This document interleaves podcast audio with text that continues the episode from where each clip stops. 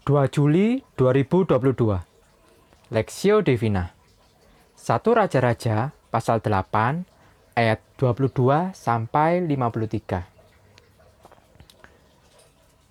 Kemudian berdirilah Salomo di depan mesbah Tuhan di hadapan segenap jemaah Israel. Ditadahkannya lah tangannya ke langit, lalu berkata, Ya Tuhan, Allah Israel, tidak ada Allah seperti Engkau di langit, di atas, dan di bawah, di bumi, di bawah. Engkau yang memelihara perjanjian dan kasih setia kepada hamba-hambamu yang dengan segenap hatinya hidup di hadapanmu. Engkau yang tetap berpegang pada janjimu terhadap hambamu Daud, ayahku, dan yang telah menggenapi dengan tanganmu apa yang kau firmankan dengan mulutmu, seperti yang terjadi pada hari ini. Maka sekarang, ya Tuhan, Allah Israel, peliharalah apa yang kau janjikan kepada hambamu Daud, ayahku, dengan berkata, keturunanmu tak akan terputus di hadapanku dan tetap akan duduk di atas tata kerajaan Israel. Asal anak-anakmu tetap hidup di hadapanku sama seperti engkau hidup di hadapanku. Maka sekarang, ya Allah Israel, biarlah kiranya menjadi nyata keteguhan janji yang telah kau ucapkan kepada hambamu Daud, ayahku. Tetapi benarkah Allah hendak diam di atas bumi? Sesungguhnya langit, bahkan langit yang mengatasi segala langit pun tidak dapat memuat engkau. Terlebih lagi rumah yang kudirikan ini. Maka berpalinglah kepada doa dan permohonan hambamu ini, ya Tuhan Allahku. Dengarkanlah seruan dan doa yang hambamu panjatkan di hadapanmu pada hari ini. Kiranya matamu terbuka terhadap rumah ini, siang dan malam, terhadap tempat yang kau katakan, namaku akan tinggal di sana. Dengarkanlah doa yang hambamu panjatkan di tempat ini. Dan dengarkanlah permohonan hambamu dan umatmu Israel yang mereka panjatkan di tempat ini, bahwa engkau juga mendengarnya di tempat kediamanmu di sorga. Dan apabila engkau mendengarnya, maka engkau akan mengampuni.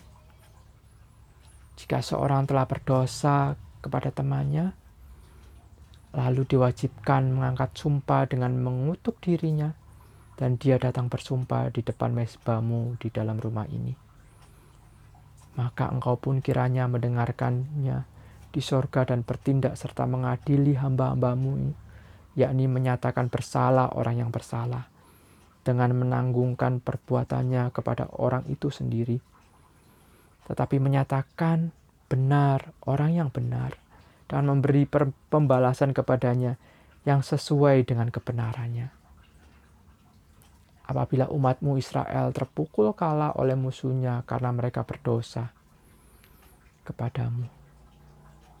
Kemudian mereka berbalik kepadamu dan mengakui hamba, mengakui namamu. Dan mereka berdoa dan memohon kepadamu di rumah ini. Maka engkau pun kiranya mendengarkannya di sorga dan mengampuni dosa umatmu Israel dan mengembalikan mereka ke tanah yang telah kau berikan kepada nenek moyang mereka. Apabila langit tertutup sehingga tidak ada hujan, sebab mereka berdosa kepadamu. Lalu mereka berdoa di tempat ini dan mengakui namamu, dan mereka berbalik dari dosanya, sebab engkau telah menindas mereka maka engkau pun kiranya mendengarnya di surga dan mengampuni dosa hamba-hambamu umatmu Israel.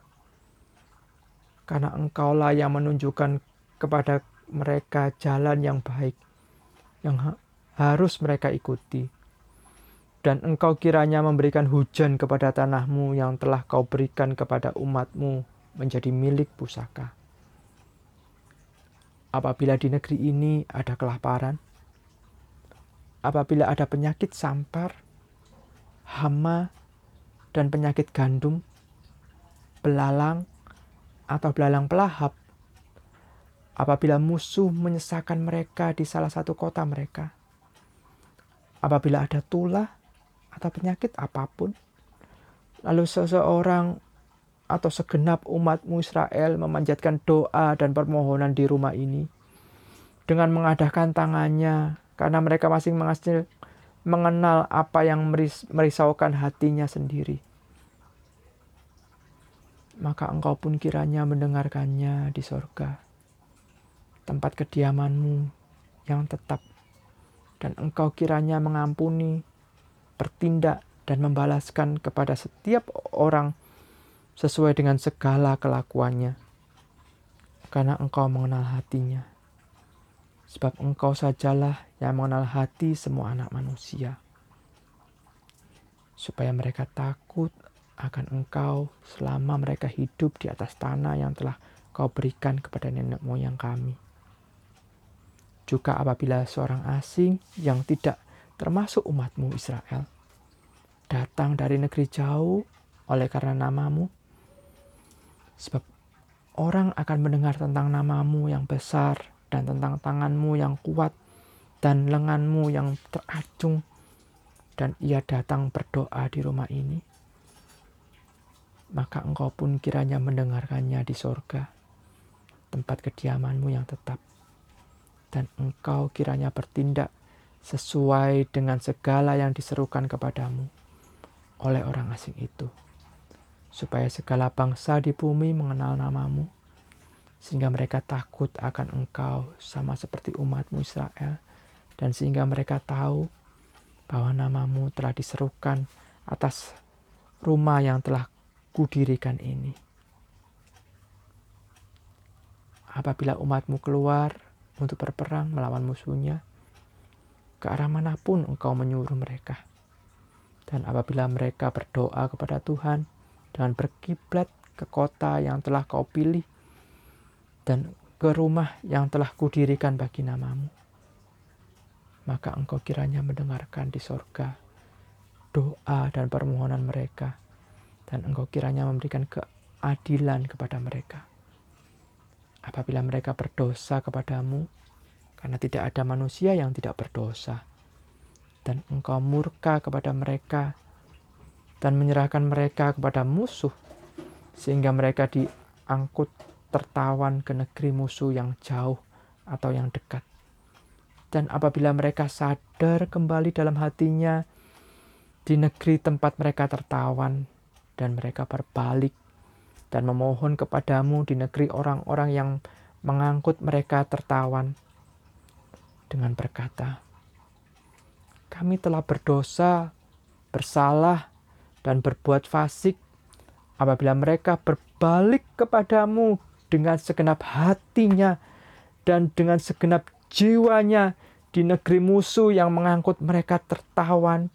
Dan apabila mereka berdoa kepadamu dengan berkiblat ke negeri mereka yang telah kau berikan kepada nenek moyang mereka ke kota yang telah kau pilih dan ke rumah yang telah kau yang kudirikan bagi namamu maka engkau kiranya mendengarkan di sorga tempat kediamanmu yang tetap, kepada doa dan permohonan mereka, dan engkau kiranya memberikan keadilan kepada mereka.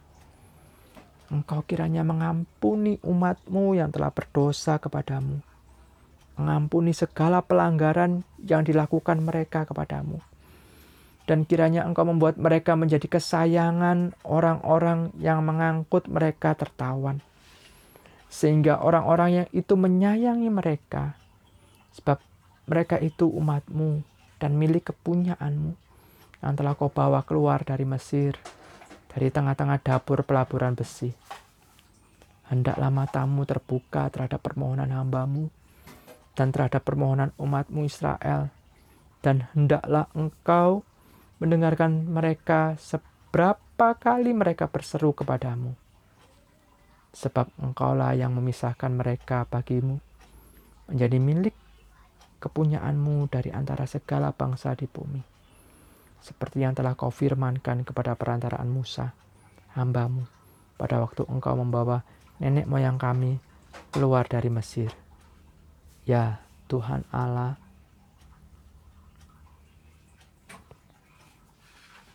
doa Salomo.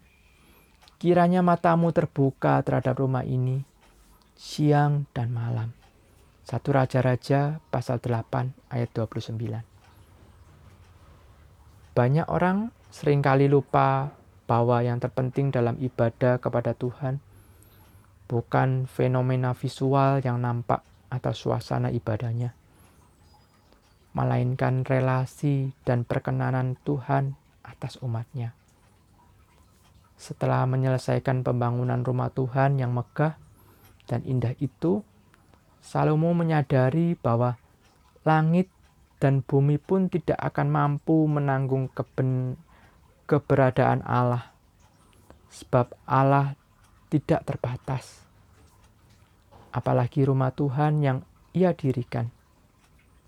Artinya, sekalipun rumah Tuhan yang didirikan itu megah dan indah, hal yang sangat penting adalah kehadiran Tuhan dan perkenanannya terhadap umatnya. Itu sebabnya Salomo, Salomo memanjatkan doa dengan memohon kasih setia Tuhan agar ia berkenan hadir di rumah Tuhan sesuai janji Tuhan bahwa namanya akan tinggal di sana. Kesadaran Salomo ini sangat penting bagi kita hari ini. Bahwa persoalan utama peribadatan kita kepada Tuhan bukanlah fenomena yang nampak, tapi kepada relasi kita dan perkenanan Tuhan atas umatnya. Maka Salomo pun berdoa agar Tuhan berkenan hadir dan mengampuni umatnya setiap waktu. Salomo sadar bahwa bangsa Israel tidak luput dari kesalahan. Karena tidak ada manusia yang tidak berbuat dosa. Maka Salomo memohonkan kepada Tuhan agar setiap kali umatnya datang kepada Tuhan dan mengakui segala dosa dan pelanggaran mereka. Kiranya Tuhan berkenan mendengar dan mengampuni mereka sehingga keadaan mereka pun dipulihkan. Dengan kata lain, kehadiran Tuhan dan pengampunannya sangat penting. Sebab di situlah umat Tuhan diperkenan hadir dan mendapatkan berkatnya. Bagaimana dengan kita hari ini? Apakah kita datang beribadah kepada Tuhan, menyadari keberdosaan kita, dan memohon pengampunan serta anugerahnya? Atau kita justru tidak pernah mengakui keberdosaan kita dan terjebak pada pengajaran fenomena ibadah dan bukan belas kasihannya.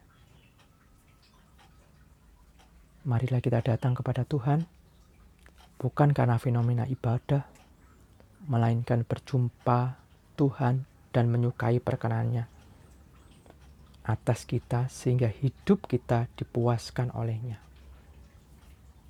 studi pribadi, mengapa Salomo tidak membanggakan diri atas pencapaiannya mendirikan rumah Tuhan yang megah? Apa yang dikendaki Salomo atas rumah Tuhan tersebut? Pokok doa, berdoalah bagi jemaat Tuhan agar mereka datang beribadah untuk berjumpa dengan Tuhan dan menyukai perkenanan Tuhan sehingga kehidupan mereka diubahkan.